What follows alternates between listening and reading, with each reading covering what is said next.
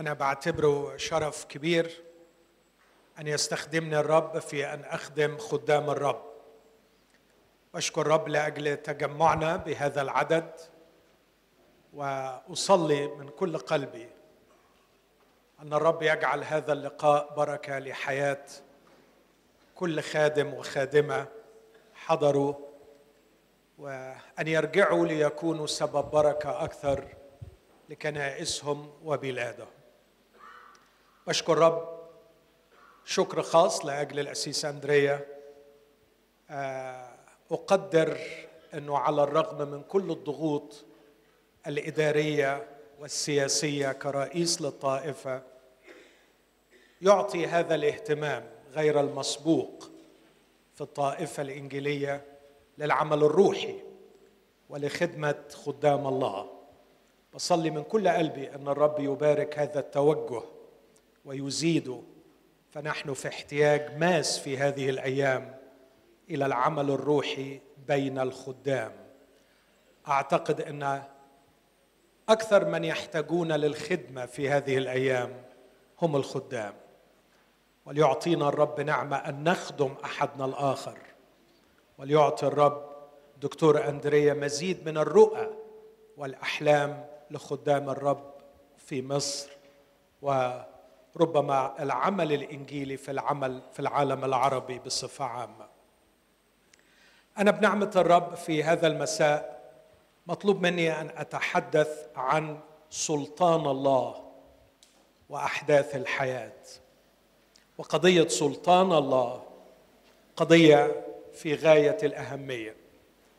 ومن الممكن أن نتناولها على أكثر من بعد. ممكن نتناولها على البعد اللاهوتي العقائدي والكلام والاختلاف والحوار كثير في هذا المجال. وأنا لا أعتقد أن المجال ولا المقام يتسع لمثل هذا الحوار الفكري واللاهوتي من جهة قضية سلطان الله. من أسبوعين كنت في أسيوط وبعدين أخت سألتني سؤال في فترة الأسئلة عن سلطان الله. فحبيت أتبين الطريق اللي أمشي فيه. فقلت لها وحضرتك كالفينية ولا أرمينية؟ قالت لي الحقيقة أنا أسيوطية. قلت لها دي أفضل إجابة ممكن أسمعها تديني الحرية إني أجاوب أي إجابة أنا عايز أجاوبها. فأنا لا أزعم في هذا المساء إني سأخوض في الخلاف الفكري اللاهوتي العقائدي فربما لهذا مقام آخر. لكن نفسي أتكلم شوية من الناحية النفسية والأخلاقية. كيف يؤثر فهمنا لحقيقة سلطان الله علينا من الناحية النفسية؟ ومن الناحية الأخلاقية. أذكر بحث عمل على الإنجيليين في الولايات المتحدة الأمريكية وكانت نتيجة البحث مؤلمة. موضوع البحث هو بماذا يؤمن الإنجيليون بصفة عامة في أمريكا؟ والباحث ميز بين نوعين من اللاهوت. ما يسمى explicit theology اللاهوت المعلن الذي يكتب في إقرار إيمان كل طائفة. واللاهوت الذي يسمى implicit اللاهوت المخفي الذي يسلك به الناس في واقع الحياة. وكانت النتيجة مؤلمة لأنه عندما تم البحث عن اللاهوت الخفي العقيدة الخافية التي يقول عنها باسكال معتقدات القلب التي يسلك بها. قال هذا الباحث أن الانجيليين أقرب إلى الربوبيين من أن يكونوا مسيحيين. وما هو مذهب الربوبية؟ مذهب الربوبية لا ينكر وجود خالق عظيم خلق الكون. لكنه للأسف الشديد ينادي بهذه الفكرة الغريبة أنه بعدما خلق الكون ووضع له قوانينه تركه تحكمه هذه القوانين. إنه لا يتدخل إنه لا يسيطر على مجرى الأحداث إنه لا يتدخل في صناعة حياة الأفراد ولا في صناعة التاريخ. إنه لا يصنع المعجزات. إنه خلق الكون وترك المهم لقوانين الطبيعة التي هو وضعها لتحكم مجريات الأمور في هذه الحياة دون تدخل منه.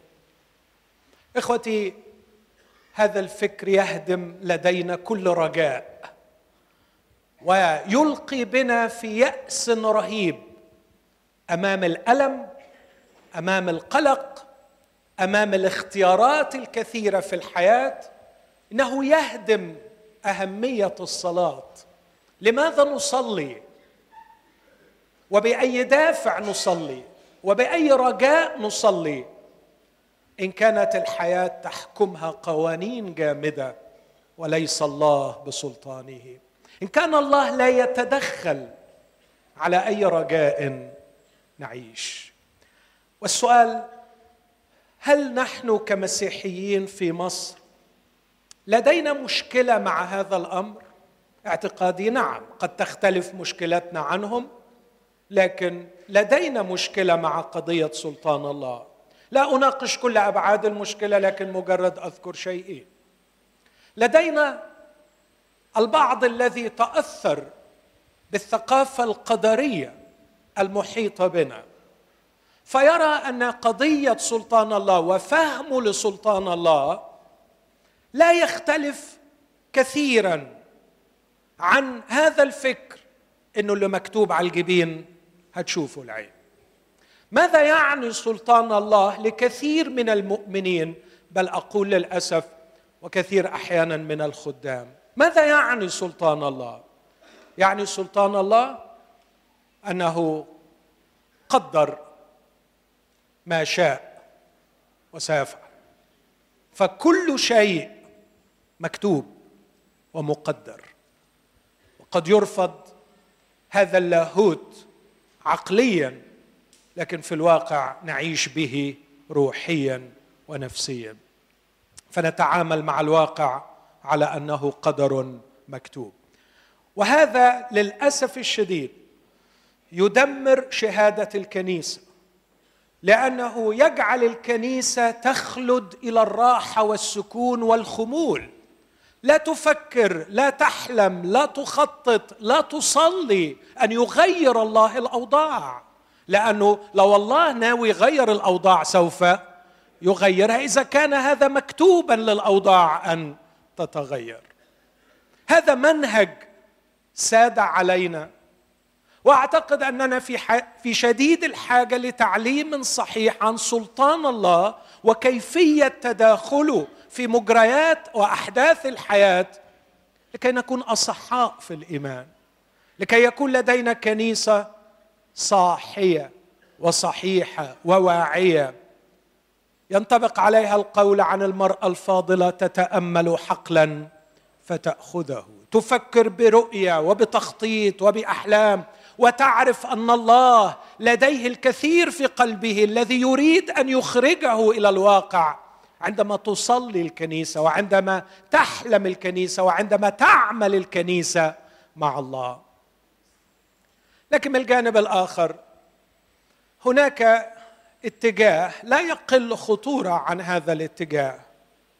البعض تصور أن الله يتدخل بالاستقلال الكامل عن مبدأ السببية في الحياة كوزاليتي مبدأ السبب والنتيجة. فيتصورون أن الأسباب لا تؤدي إلى نتائج لأننا نصلي. يلغون قوانين الله التي وضعها في نسيج هذه الحياة. ويتطرفون حتى أنهم يتصورون أنه ليس علينا أن نعمل أي شيء. كل ما علينا هو أن نصلي.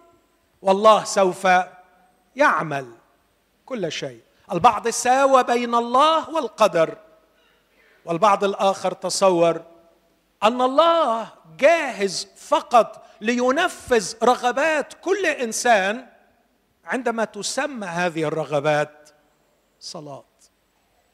وكانت النتيجة لهذا الفكر أن البعض رأى عشوائيته رأى دروشته رأى لا اتفاقه مع كلمة الله فتطرف وأهمل الصلاة وتصور أن الله لا يتدخل وأن الذين يصلون من أجل كل شيء بطريقة عشوائية ولا يعملون على تغيير الواقع وفقط يريدون أن يصلوا.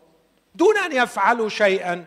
هؤلاء قد آه، ابتعدوا عن العقل والمنطق والفكر الصحيح فأخذوا الجانب الآخر بعيدا جدا. وسط هذه ال... وسط هذا الضجيج من القدرية مع هذا الفهم الخاطئ لدور الصلاة في الحياة ودور العمل الذي على الكنيسة أن تعمله والتطرف تجاه هذا أو ذاك أعتقد أننا في شديد الاحتياج للحديث والتعليم عن سلطان الله. ولعل ما اقدمه يكون مجرد شيء بسيط. لن أدعي ولا أزعم ابدا أني سأخوض في هذه القضية لكن مجرد أقدم شيئا لفائدة إخوتي وحياتهم العملية من الناحية النفسية والعملية كما ذكرت. لكن ما أقدرش أعمل كده من غير ما أضع على الأقل تعريف ونموذج أتصوره. لهذا الأمر العظيم سلطان الله. التعريف الذي أضعه ده تعريف إجرائي والنموذج اللي بقوله نموذج إجرائي قابل للتعديل. لا أدعي إنه يعني آه، خالي من الخطأ لكن مجرد اقتراح. أقول يا أحبائي عندما نؤمن أن الله له سلطان على كل شيء بالمناسبة الثلاث اتجاهات اللي قلتهم أو الاتجاهين بما فيهم واحد له اتجاه والنقيض لا أحد منهم ينكر هذه العقيدة كإيمان مسيحي.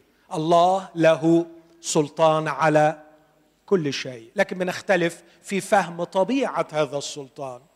ما اقترحه من تعريف أقول الله له سلطان على كل شيء تعني أنه لا شيء لا شيء في العالم. العالم الذي يرى أو العالم الذي لا يرى. يختفي لحظة واحدة أو طرفة عين عن فحص الله عن رؤية الله. عن فهم الله لخبايا هذا الشيء. لا شيء يخرج عن دائرة فحص الله. وأيضا أو يستعصي على تأثيره المباشر أو غير المباشر. هقول مرة ثانية لا يوجد شيء في هذا العالم الذي يرى أو في العالم الذي لا يرى. يخفى عن عين الله أو يستعصي على يد الله. الله يرى كل شيء ويراه حتى النخاع فعيناه كنار آكلة عيناك لهيب نار. والنار لماذا يشبه عيني الله بالنار؟ أعتقد لأن النار هي الشيء الوحيد الذي يحلل كل شيء إلى عناصره الأساسية. الله يرى الخفايا يرى الدواخل. فكل شيء كلام الكتاب في عبرانيين أصحاح أربعة. كل شيء افتح قوس. كل شيء تعني كل شيء مكشوف وعريان. لعيني ذاك الذي معه أمرنا. إخوتي الأحباء هذا ما يجعل قلبي مطمئنا. الله لا يفاجأ. الله يعرف الماضي يعرف الحاضر يعرف المستقبل. لا شيء يختفي عن عينيه. الكل حاضر أمامه. شعية 46 يقول هذه الكلمات التي سأقرأها بعد قليل. أنا الله وليس آخر. بمن تشبهونني؟ فأساويه يقول الرب ثم يصف نفسه بهذا الوصف مخبر منذ البدء بالأخير ومنذ القديم بما لم يفعل قائلا رأيي يقوم وأفعل كل مسرتي. نحن نعبد الها يرى. كم يحمل هذا لقلبي طمأنينة عميقة إني أعبد الها يرى يرى يرى كل شيء ويرى كل شيء في أعماقه وخفاياه وليس بصورة سطحية كما أراها أنا. يرى التاريخ يرى الماضي يرى الحاضر يرى قلوب البشر اسمه فاحص القلوب ومختبر الكلى. في يوم من الأيام كانت ليئة متألمة لكنها في موقف تعويض إلهي تقر بسلطان الله فتقول هذه الكلمات إن الرب رأى مذلتي. لقد رأى الرب. لقد رأى. كم هو مهم لكل مظلوم لكل متألم أن يعرف شيئا عن سلطان الله؟ أن الله يرى. لكن أيضا حنا أم صموئيل تقول هذه الكلمات في تسبيحتها الرائعة كفوا عن الكلام العالي المستعلي ولتبرح وقاحة من أفواهكم لأن الرب إله عليم وبه توزن الأفعال. لكن أيضا سلطان الله ليس فقط أنه يرى كل شيء لكن ذكرت أن كل شيء يراه الله في العالم الذي يرى والعالم الذي لا يرى. لا يستعصي على تأثير الله المباشر أو غير المباشر.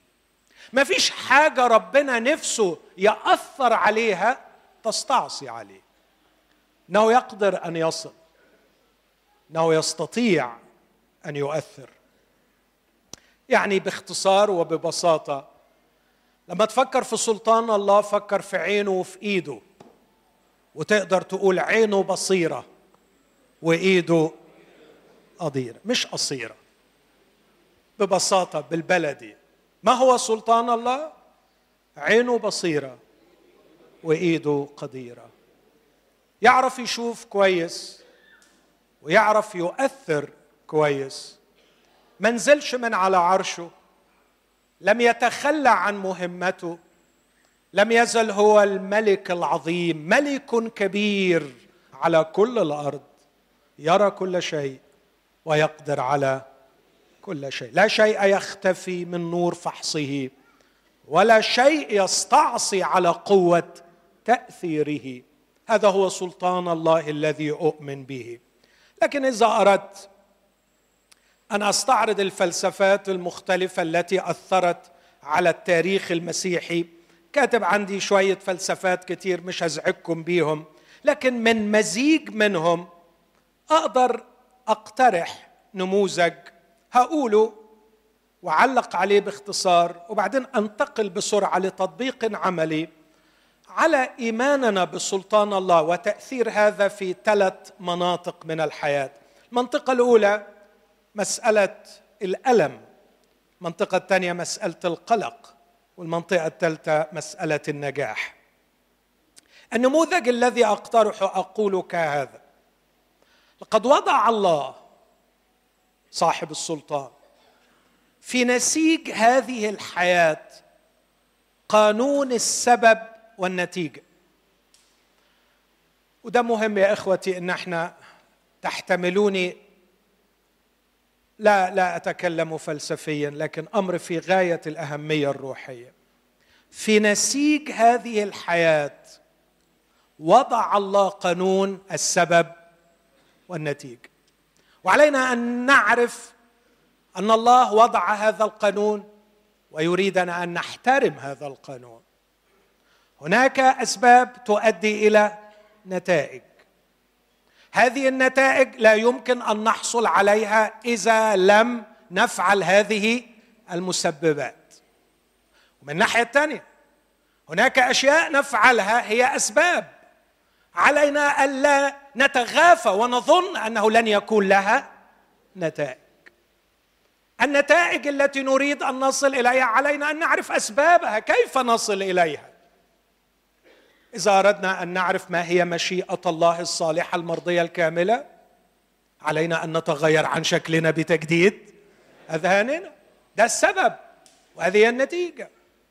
إذا أردنا أن نمتلئ بالروح القدس لا تسكروا بالخمر الذي فيه الخلاعه لا تكونوا أغبياء بل فاهمين ما هي مشيئة الرب. انظروا كيف تسلكون بالتدقيق. لا كجهلاء بل كحكماء مفتدين الوقت لأن الأيام هذه هي الأسباب. إذا تجاهلنا الأسباب ليس من حقنا أن نحلم بالنتائج. وعندما نعاني من نتائج علينا الا نست لا نكون أغبياء. ونقول مقدر ومكتوب إذا عانينا من النتائج علينا أن نكون أمناء أمناء روحيا أمناء عقليا ونسأل أنفسنا سؤال واحد ما الذي أدى بنا إلى هذه النتائج؟ إن شخصا عظيما جدير بأن ندرس قصة حياته دراسة رائعة عميقة هو جدعون. هذا الشخص العظيم ما كانش متدروش وما كانش بدون إيمان. لكن يظهر في هذا المزيج الجميل. لقد رأى شعب الرب في حالة مزرية. لقد أذلوهم المديانيين. لم يبقوا لهم قوت الحياة. ما قالش أصلي. أكيد كان رجل صلاه وأكيد كان قلبه مرفوع لربنا طول الوقت. لكن ما قالش أنا هصلي وربنا يعملها. لكن هعمل اللي حيلتي هعمل اللي أقدر عليه. وإيه اللي حيلتك؟ مديانين زي الوحوش. هتروح فين يا مسكين؟ قال الناس جعانة حواليا. هوكلهم. طب ده شعب بأكمله جعان. هتوكل مين ولا مين؟ أنا ما أعرفش. بس شغلتي أعمل حاجة. أعمل اللي عليا. فراح واخد شوية عيدان قمح. وراح يخبطهم في المعصرة. المعصرة ما يخبطوش فيها قمح. والقمح ما يتخبطش أصلا. القمح يدرس في الجرن بالنورج. لكن هو ما يقدرش لأنه ما فيش نورج وما فيش قمح كتير. هم شوية عيدان عرف يسرقهم من هنا ولا هنا ياخدهم يهرب حنطة من المديانين وراح حطهم في الحجر المحفور اللي هو المعصرة وقعد يخبط فيهم. هيطلع له في الآخر بكيلو غلة بالكتير. وياخد الكيلو ده يوديه لحد جعان. وهكذا يكرر الأمر مرة وراء الأخرى. نظر الرب من السماء لهذا الشاب الذي يؤمن ويعمل. وجاله مخصوص. جاله مخصوص. وكم أسجد أمام روعة ونعمة هذا الإله. وكأنه يقول له حبيبي هي دي الناس المحترمة اللي أجي أشتغل معاها. عجيب. وهو يخبط الحنطة التفت للرب نفسه في عفرة واقف. وبيقول له إيه؟ الرب معك. يا جبار البأس. الراجل ده ما قالناش الكتاب إنه قعد ثلاث أيام صوم وصلاه مقفل على روحه علشان ربنا يجيله الراجل ده راح يشتغل ربنا جاله. هذا هو الإيمان الصحيح بسلطان الله. إيماني بسلطان الله. نعم ينبغي أن يصلى كل حين لكن ليس بدون عمل. لقد كان يؤمن بقانون السبب والنتيجة.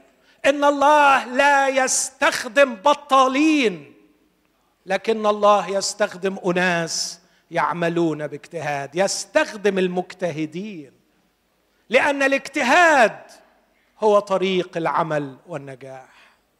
بدون أن نعمل بدون أن نخطط بدون أن نفكر بدون أن نجتهد في كل شيء. اسمع الآية حتى حتى في حياة القداسة. في حياة القداسة. مرات بتسأل السؤال ده وفعلا بتلخم لما باجي أجاوبه. يسألني شاب يقول لي خمار يعني هو ممكن فعلا الواحد ما يقعش في الخطية؟ أقول له حبيبي نحن لسنا معصومين إحنا مساكين إحنا ما أكثر أخطاءنا. الرسول يعقوب قال في أشياء كثيرة. نعثر جميعا. بس اسمع الآية دي يا ابني أنا أنا هقول لك الآية. الرسول بطرس بيقول في بطرس ثانية واحد إن فعلتم ذلك لن تزلوا أبدا. إيه الآية دي؟ دي تبدأ بعدد خمسة من بطرس الثانية واحد وأنتم باذلون كل اجتهاد. قدموا في إيمانكم فضيلة. وفي الفضيلة معرفة وفي المعرفة تعفف وفي التعفف صبر وفي الصبر تقوى وفي التقوى مودة أخوية وفي المودة الأخوية محبة لأن هذه إذا كانت فيكم وكثرت تصيركم لا متكاسلين. ولا غير مثمرين في معرفة ربنا يسوع المسيح. لأنكم إن فعلتم ذلك لن تزلوا أبدا. هذا هو مبدأ السبب والنتيجة حتى في حياة القداسة في حياة الخدمة. لماذا بولس الرسول خدم أكثر من جميعهم؟ الإجابة ببساطة لأني تعبت أكثر من جميعهم. علينا أن نصلي لأجل خلاص بلدنا. علينا أن نصلي لأجل تقدم الكنيسة في بلدنا. لكن إيماننا بسلطان الله مش إن إحنا نقعد على البنوك نصلي وربنا هيعمل كل حاجة. إيماننا بسلطان الله نصلي ونصلي ونصلي ونعمل ونعمل ونعمل. لقد وضع الله في نسيج هذه الحياة مبدأ السبب والنتيجة. ذكرت جدعون؟ قصته تؤكد هذا الفكر. جدعون؟ بيقول له الرب معك يا جبار البأس. لكن بسبب إيمانه الصحيح وفهمه الصحيح لسلطان الله كان يتساءل إن كان الرب معنا فلماذا أصابتنا كل هذه؟ أنا أعرف أن وجود الرب معنا ينبغي أن يغير الوضع. لماذا أصابتنا كل هذه؟ وابتدأ حواره مع الرب. وبعدين الرب قال له أنا مستعد أخلص إسرائيل بس عايز حد يشتغل. عندك استعداد تشتغل؟ قال له آه.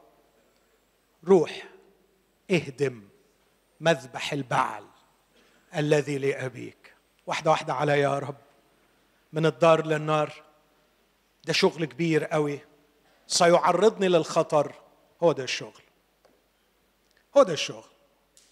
لكن إنك تقعد في بيتك لا تريد أن تعرض نفسك للخطر.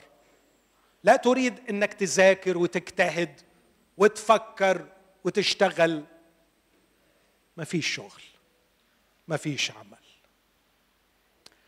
وضع الله في نسيج هذه الحياة قانون السبب والنتيجة الذي يحكم كل الظروف التي تحدث فيها. كل الظروف اللي بتحصل حوالينا يمكن تفسيرها. بمبدأ السببية الكوزاليتي سبب ونتيجة. اسمحوا لي أقول لكم حاجة في تاريخ الفلسفة مهمة. ديفيد هيوم قالت عنه أمه ابني ذكاؤه قليل لكن قلبه سليم. لكن للأسف أثبتت الأيام أنه كان قلب لئيم وشرير وكان يضع مسامير يهيئ بها لنعش الإيمان المسيحي في عصر التنوير. ديفيد هيوم هو الذي رفض وجود الله والسببية وكان للأسف الشديد بناؤه كله مبني على إنه ما فيش حاجة اسمها السبب والنتيجة. ليه بيعمل كده؟ علشان ما يخليناش وما يديناش فرصة نرجع للبداية ونقول كيف وجد هذا الكون ونبدأ ندور على سبب لوجود هذا الكون. حب يقتل هذه المحاجة اللي بنسميها المحاجة الكونية الكوزمولوجيكال حب يهدم هذا فلغى مبدأ السبب والنتيجة. وصار وراءه العلم. في عصر التنوير كله ابتعد عن الإيمان بالله. كان من أول المؤسسين للإلحاد في العصر الحديث. لكن أحد أشهر تلاميذه في العقد الأخير وأشهر فيلسوف درس فلسفة هيوم هو أنتوني فلو. أنتوني فلو ليه كتاب شهير حاليا. عنوان الكتاب There is no God. بعدين شاطب نو وحاطط إيه وكان يحكي بهذا العنوان تغير معتقده. ينتقل من اللا إيمان بالله إلى الإيمان بالله. لم يصل إلى الإيمان المسيحي لا أعتقد لكنه على الأقل ابتدأ يؤمن بوجود إله. ماذا قال؟ ما هي نقطة التحول؟ قال لقد اكتشفت أن هيوم جعلنا نتوهم وهما كبيرا. لقد عشنا في وهم كبير عندما ألغينا قانون السببية. إخوتي هذا الملحد تنبه إلى هذه هذه الجريمة الفكرية. وأقول أن الكنيسة أحيانا تسقط في نفس الفخ إذ نلغي مبدأ السبب والنتيجة. لقد جعل الله مبدأ السبب والنتيجة في نسيج هذه الحياة يحكم كل الظروف التي تحدث فيها. لكن أستكمل النموذج اللي بقترحه وأقول كما أنه أعطى البشر حرية الإرادة. القادرة على تغيير الظروف. طبقا لهذا القانون أيضا. قد أعطى الله البشر حرية الإرادة.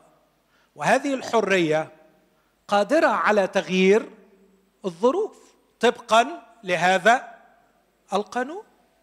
إذا كانت A توصل ل B وC توصل ل D فإذا أردت دي عليك أن تتغير من A إلى B.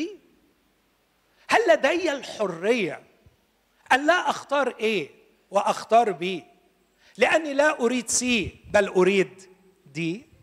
هل لدي الحرية أن أنتقل من حياة روحية ركيكة إلى حياة روحية مزهرة؟ هل لدي الحرية؟ خلينا أقول هل لدي الرغبة في أن انتقل من حياة روحية ركيكة إلى حياة روحية مزهرة ومثمرة محتاجين نجاوب على السؤال ده. لدينا حرية ولا هو ربنا كتب وقدر على كل واحد. في مؤمنين هيعيشوا ويموتوا خيبانين روحيا وفي مؤمنين وش خير ربنا كاتب عليهم؟ النجاح الروحي. إخوتي مسألة الإرادة الحرة مسألة حساسة. لكني أعتقد أنه علينا أن نواجه هذا الأمر ونفكر فيه بأمانة واجتهاد. وطرحي البسيط أقول إذا لم يكن لدينا إرادة حرة قادرة على اتخاذ اختيارات معينة تنتقل بنا من نتيجة إلى نتيجة أفضل فالله ليس بعادل عندما يحاكمنا وعندما يحاسبنا. إذا تكلمت عن البعيدين عن الرب. كيف سيستد كل فم ويصير كل العالم تحت قصاص من الله؟ إذا لم يكن لهؤلاء البشر إرادة حرة في أن يغيروا موقفهم من رفض الله إلى قبول خلاص الله. عندما أتكلم عن المؤمنين ما قيمة كلام الرسول أننا جميعا سنقف أمام كرسي المسيح؟ ما قيمة الكلام أن النار ستمتحن عمل كل واحد. إذا بقي عمل أحد سينال أجرة وإذا احترق عمله سيخلص كما لو بنار. ما قيمة المكافآت؟ إذا لم يكن لي إرادة حرة في اختيار الاجتهاد. إذا لم يكن لي إرادة حرة في ترك الكسل الروحي وال وال والرعونه الروحية والرخاوه الروحيه التي لا تمسك صيدا. لماذا هناك حساب ووقوف أمام كرسي المسيح؟ لماذا يقول أن كل واحد منا سيعطي حسابا عن نفسه إذا لم يكن لي إرادة حرة أغير بها واقعي؟ لماذا الحساب؟ إذا كنت أنا مجرد منتج تحتمه البيولوجية بتاعتي تحتمه الجينات أو تحتمه قواعد المجتمع بأي حق يحاكمني الله.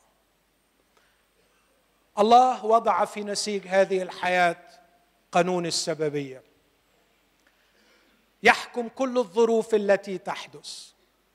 ما من واقع إلا وله أسباب وما من أفعال إلا وستؤدي إلى نتائج. لكن في نفس الوقت منحنا الله أعظم منحة.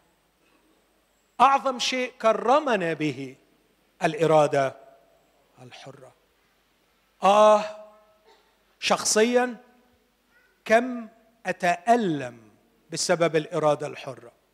لدي مشاكل فكرية وروحية كثيرة مع الله. ومرات كثيرة كنت بقول له لماذا أعطيت البشر إرادة حرة؟ ألا ترى يا رب كل الدمار الحادث؟ ألا ترى كل المآسي الحاصلة؟ عندما تبحث عن كل هذه المآسي وتسأل هو ليه ربنا ما منعش؟ هو ليه ربنا ما خلاش الراجل ده رجله تتكسر؟ هو ليه ربنا ما خلاش الراجل ده عقله يضيع قبل ما يعمل الفكرة المجنونة دي؟ الإجابة اللي بنسمعها دايما ربنا بيحترم حرية الإرادة. فكنت أقول لربنا كرهناها حرية الإرادة دي. خلاص بقى كفاية حكاية حرية الإرادة. حرية إرادة حرية إرادة. كل البلاوي بسبب حرية الإرادة. لكن يبدو إنه بيحترم قوي حرية الإرادة. أنا مش قادر أفهمه في النقطة دي. لكن زي ما في حاجات كتيرة مش قادر أفهمها.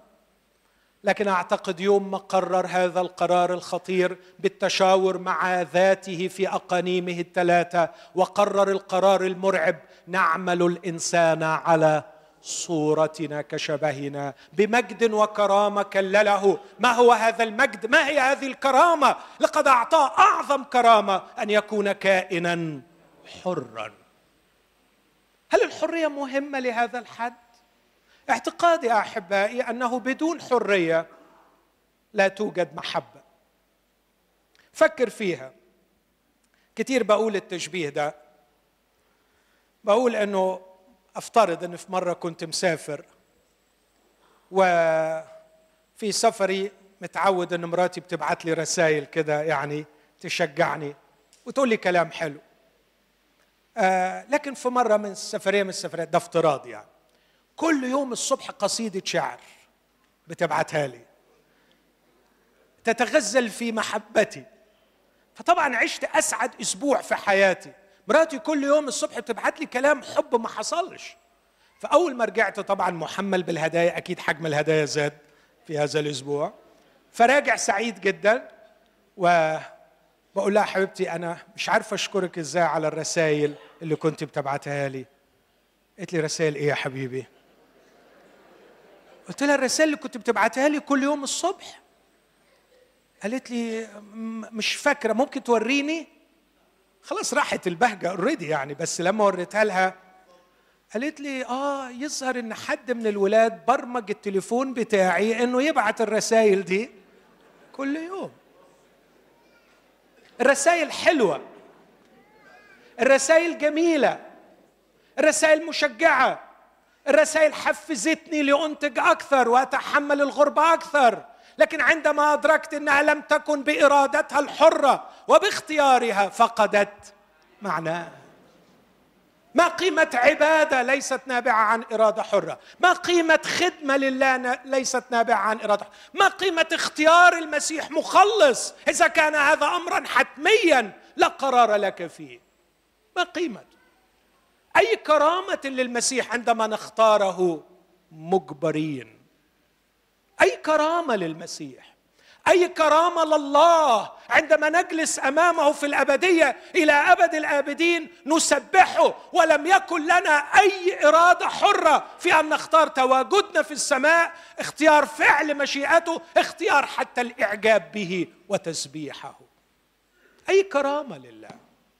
لقد رأى الله أن هذا العالم الذي نعيش فيه بكل المآسي التي فيه بكل الظلم الذي فيه هو أفضل عالم يمكن إيجاده لسبب واحد وحيد أن به إرادة حرة. أن الحب النابع من الإرادة الحرة والصلاح النابع من الإرادة الحرة. أرجوكم يا إخوتي ما قيمة أي صلاح نفعله إذا لم يكن نابع من إرادة حرة؟ إذا أردنا عالما الحب فيه له قيمة والصلاح له قيمة لابد أن تكون هناك إرادة حرة.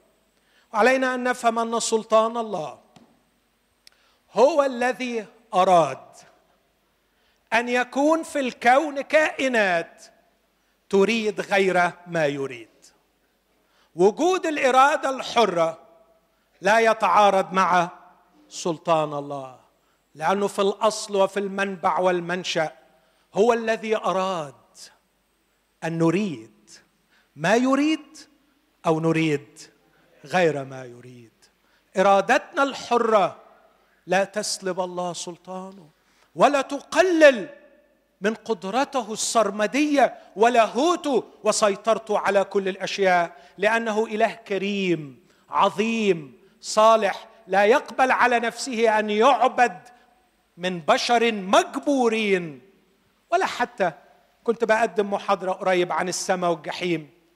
وقلت الكتاب المقدس لم يقدم وصفا عن السماء ولا وصفا عن الجحيم لأن دي مش قضية ربنا خالص إنه يوصف لنا مكانين يغري بيهم الناس أو يخوف بيهم الناس. الله يقدم شخصه.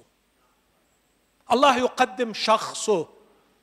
أتحب ولا ما اتحبش أستحق ولا ما أستحقش؟ أتعبد ولا ما أتعبدش؟ أتبع أم لا أتبع؟ الله لا يقدم مكانا يرغب به أو يرهب به لكن الله يقدم شخصه. نعم هناك سماء نعم هناك جحيم لكن الكتاب لم يعطي تفاصيل هذا وذاك لأنه لا يريد أن يرهبنا أو يرغبنا. لكنه يبحث عن علاقة شخصية معه. وسؤاله الأول هل أنا جدير بثقتكم أم لا؟ هل أنا جدير بتبعيتكم أم لا؟ أقول إن هذا الإله الذي لا يرغب ولا يرهب كان كفوا أن يعطي الإرادة الحرة لأنه يريد من يتبعونه يتبعونه بإرادتهم الحرة. قد وضع الله في نسيج هذه الحياة. قانون السبب والنتيجة الذي يحكم كل الظروف. وأعطى البشر حرية الإرادة القادرة على تغيير الظروف طبقا لهذا القانون. هل نقدر نغير الظروف؟ نعم. لو مش بنؤمن بتغيير الظروف يبقى علينا نعترف صراحة ولا نخجل إن إحنا قدريين ونؤمن بالقدر. وإنه حتى إذا فجرنا فالله هو الذي ألهمنا فجورنا وتقوانا. علينا أن نقر بهذا.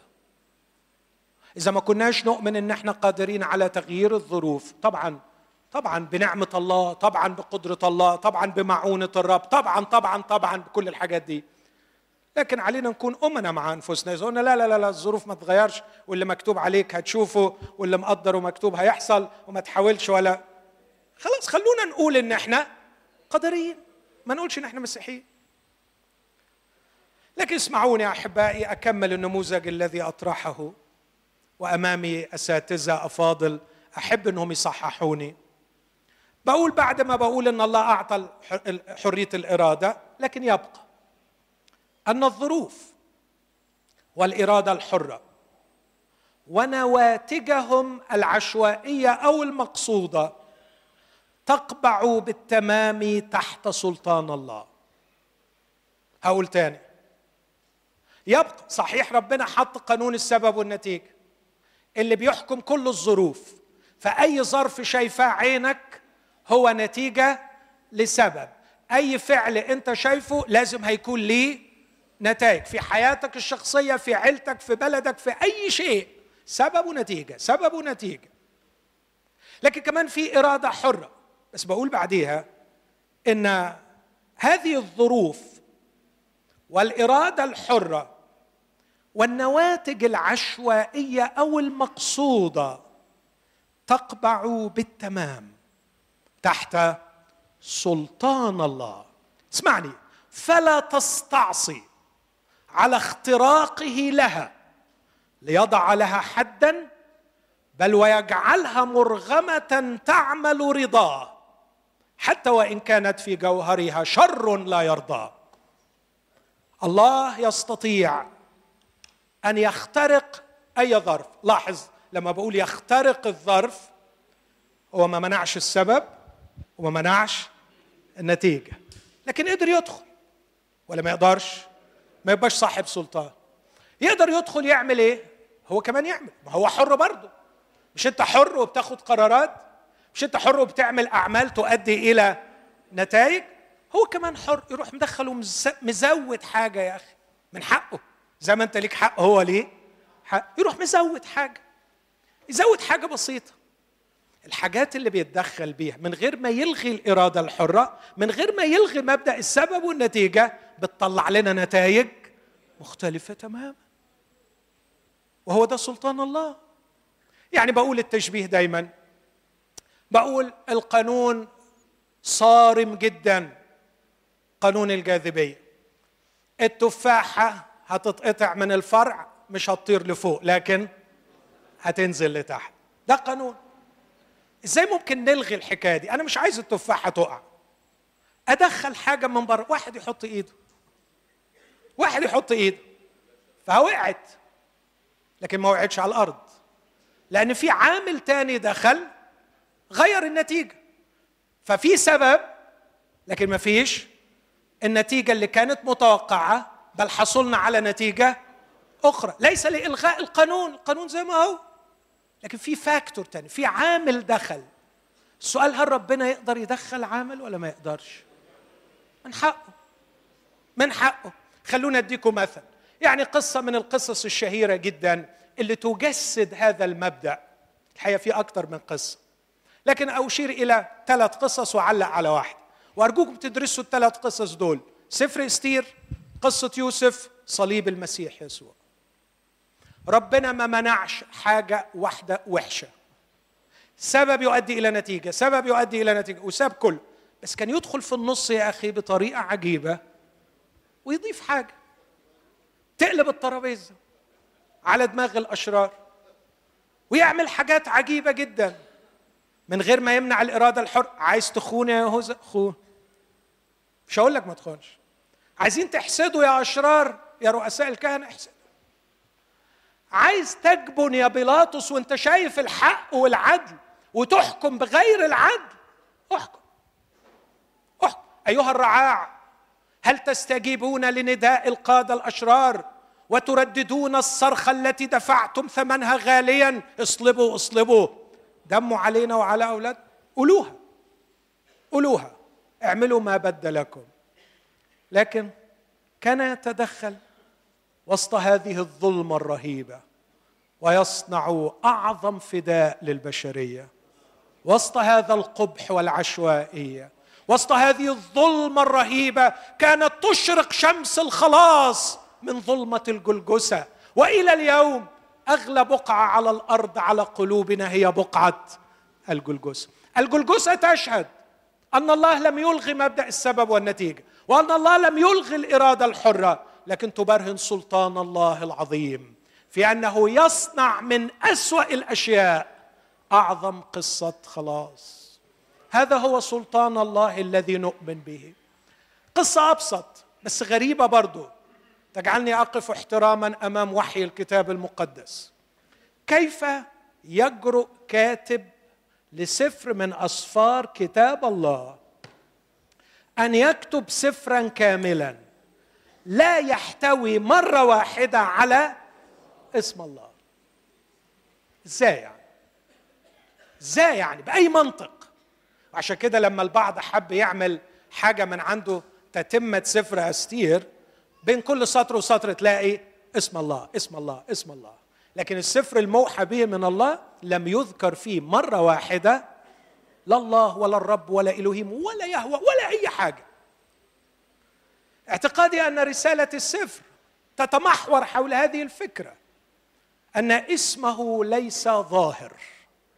وأقول الصدق أنا في مرة حبيت أعمل دراسة على الشخصيات في سفر أستير. فقلت أدرس مين الأول؟ شخصية إستير ولا شخصية مردخاي؟ أنهي الأهم؟ فقعدت أعد كم مرة ذكر اسم ده وكم مرة ذكر اسم ده. إيه المواقف بتاع ده؟ إيه المواقف بتاع ده؟ وأقول الصدق إن في النهاية اقتنعت أن الشخصية المحورية في هذا السفر لا إستير ولا مردخاي لكنه الله الشخص الذي لم يذكر اسمه. لكن اقتنعت أن الرسالة الأساسية هي أن الله يريد أن يوصل لنا أنه في فترة الحياة الحاضرة اللي فيها بيسميها سفر الرؤيا سر الله. هذه الفترة الغريبة التي نعيشها. الله يعمل لكن من وراء الستار. الله لا يعمل سافرا ظاهرا. الله لا يظهر بشكل واضح. لكن في كل شيء الله يعمل من وراء الستار ويجعل كل الأشياء تعمل معا للخير. للذين يحبون الله. فبدأت الدراسة بشخصية الله وكتبت أربع كتب عن شخصية الله في سفر أستير من غير ما أخلص لأني رأيت أن الشخصية الجوهرية في هذا السفر هي شخصية الله. أدي مثل واحد. الله في هذا السفر كان عارف إن في واحد اسمه مردخاي عفوا واحد اسمه همان ولاحظ همان ده اسمه همان الأجاجي. هامان الأجاجي من المنفلتين من نسل أجاج اللي ربنا قال شاول حرمهم بس هو ما عجبوش لأن ربنا كان شايف بعد 700 سنة إيه اللي هيحصل أو بعد بعد قد إيه الكلام ده حصل سنة 400 الكلام ده 1000 آه حوالي 700 سنة. كان ربنا شايف إيه اللي هيحصل كان عارف وقال له حرم ما حرمش it's okay الله مش هيغلب الله يعرف يلاقي له طريقة. وبعدين الراجل قرر يتجوز. حاجة عادية جدا. الملوك أيامها بيتجوزوا إزاي؟ بيتجوزوا بطريقة قميئة الحقيقة. طريقة أردأ ما يكون. والكتاب سجلها لنا عشان نعرف قد إيه قد إيه الفساد اللي حصل في بني البشر. الراجل يلموا له ستات من 127 دولة من كل كورة الملك. ويقعد كل يوم. حاجة حاجة مقرفة يعني. إيه ده؟ إيه الأسلوب ده؟ أبشع أسلوب ممكن حد يختار بيه زوجة. بعدين دخلت له أستير الكتاب يقول من ال 127 دولة اللي جاي منها بنات لو قلت بس يعني من كل بلد عشرة يعني 1270 واحدة مفيش غير واحدة بس هي اللي عجبته. وسؤالي هل فعلا كانت أجمل من بقية كل البنات؟ لا أعتقد. لكن الكتاب يكرر ثلاث مرات وجدت نعمة. في عين. تعرف إيه اللي عمله ربنا؟ هو يسأل سؤال. حشاويرش من حقك تعك الدنيا زي ما أنت عايز. وأنا من حقي برضه أعمل شغلي. أنت تعك وأنا أدي نعمة. من حقي ولا مش من حقي؟ أنت حر إنك تعك وأنا حر إن أنا أدي. أنا إله كل نعم هديها نعمة. هدي أستير نعمة. ولا ده مش من حقي؟ نفسي أدي حد نعمة. إداها نعمة. الملك اختار. وبعد أربع سنين قبل ما همان يعمل خطته الرديئة ويقنع الملك كان ربنا وصل أستير خلاها امتلكت قلب الملك. وكانت نتيجة المعركة محسومة لصالح الله في النهاية. إن الله لا يلغي الإرادة الحرة لا يلغي قانون السبب والنتيجة لكني أقول مرة أخرى أن الظروف والإرادة الحرة ونواتجهم العشوائية أو المقصودة تقبع بالتمام تحت سلطان الله. فلا تستعصي على اختراقه لها. اسمعوني أحبائي في اللي جاية دي. ليضع لها حدا.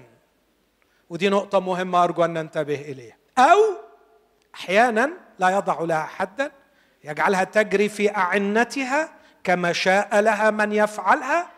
لكنه يجعلها مرغمة تعمل رضاه حتى وإن كانت في جوهرها شر لا يرضى. يبقى أن الشر شر والخير خير. لا يمكن أن نقول عن الأشياء الشريرة أنها خيرة. هي شريرة. وكون الله استعملها هذا لا يغير طبيعتها من شر إلى خير. عشان كده بقول هي في جوهرها شر. بس الله استعملها. كون الله استعملها لا يحولها إلى خير.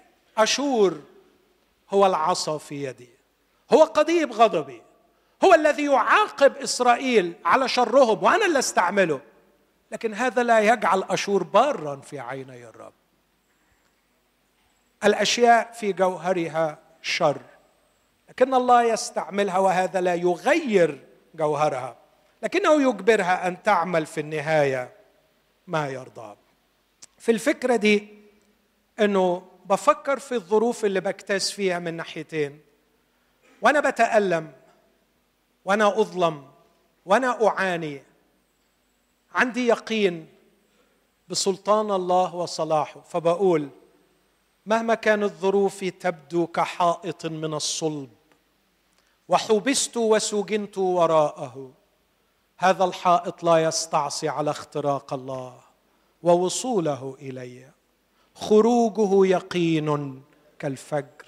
فإن توانت فانتظرها لأنها تأتي إتيانا ولا تتأخر. هل ظروفك كحائط من الصلب السميك الذي لا يخترق؟ هو لا يخترق عند البشر لكنه لا يستعصي على اختراق الله. يخترق. يخترقه ليضع لسجنك حدا أو يحول سجنك إلى بركة عظمى لحياتك. إخوتي التشبيه اللي قلته ده تأملوا في سجن بطرس وفي سجن بولس. سجن بطرس ركز معايا في عبارة وهنا ركز في عبارة. العبارة اللي خدها من سجن بطرس فانفتح لهما باب الحديد من تلقاء ذات. وضع على أحد. هيرودس اركب أعلى ما في خيلك اللي أنا أقوله هيمشي في الآخر. عايز تذبحه؟ من حقك تسجنه ومن حقك تقرر ومن حقك تحبسه وتجهز السياف بكرة علشان يقتله. بس كمان أنا حر. أنا من حقي برضه مش أنت عايز تلعب معايا؟ ماشي نلعب سوا. مش انت عايز تعمل معايا الجيم ده؟ هندخل فيه سوا ونشوف مين اللي هيغلب. وانفتح باب الحديد. وطلع بص لدرجة إن الكنيسة اللي كانت بتصلي ما صدقتش إن ده حصل. بولس حبيب قلبي الغلبان رايح يخدم ما تهناش. ما كملش أسبوع في أورشليم اتقبض عليه وقعد أربع سنين في الحبس. بس اسمع العبارة بقى. أموري آلت أكثر إلى تقدم الإنجيل. هذا هو سلطان الله. سلطان الله مع بطرس ممنوع يتسجن يطلع. ودي بتحصل معانا كتير. يضع حدا لألمي ويخترق سور الحديد ويفتح الأبواب لي. لكن في مرات أخرى يتركني وراءها. لا لأنه غير قادر على الوصول إلي لكن لأنه قادر أن يجعل الأمور تؤول إلى خيري. وأختم بهذه العبارة التي أسوقها في هذا النموذج فأقول وبناء على ما سبق يمكنني القول لا يمكن للظروف مهما قست أن تمنع الله من إتمام مقاصده. قائلا رأيي يقوم وأعمل كل مسرة. اسمعوني ليس كل ما يعمل يسر الله لكن الله يعمل كل ما أقولها تاني العبارة دي. ليس كل ما يعمل على الأرض يسر الله لكن الله قادر أن يعمل كل ما يسره. الظروف مهما قست لا تمنع الله من إتمام مقاصده ولا يمكن للحرية البشرية مهما سمت أن تكون على حساب حريته. مش معقول علشان ربنا ادى البشر إرادة حرة يجي في يوم من الأيام يقول كان نفسي أعمل بس بسبب إرادتهم مش قادر أعمل. اسمعني كمان ولا يمكن للنتائج العشوائية أو المقصودة. مهما قبحت أن تستعصي على الله ليجعلها بحكمته جزءا من خطته شريكة في صنع جمال لوحته. دع الظروف تخرج أقبح ما فيها.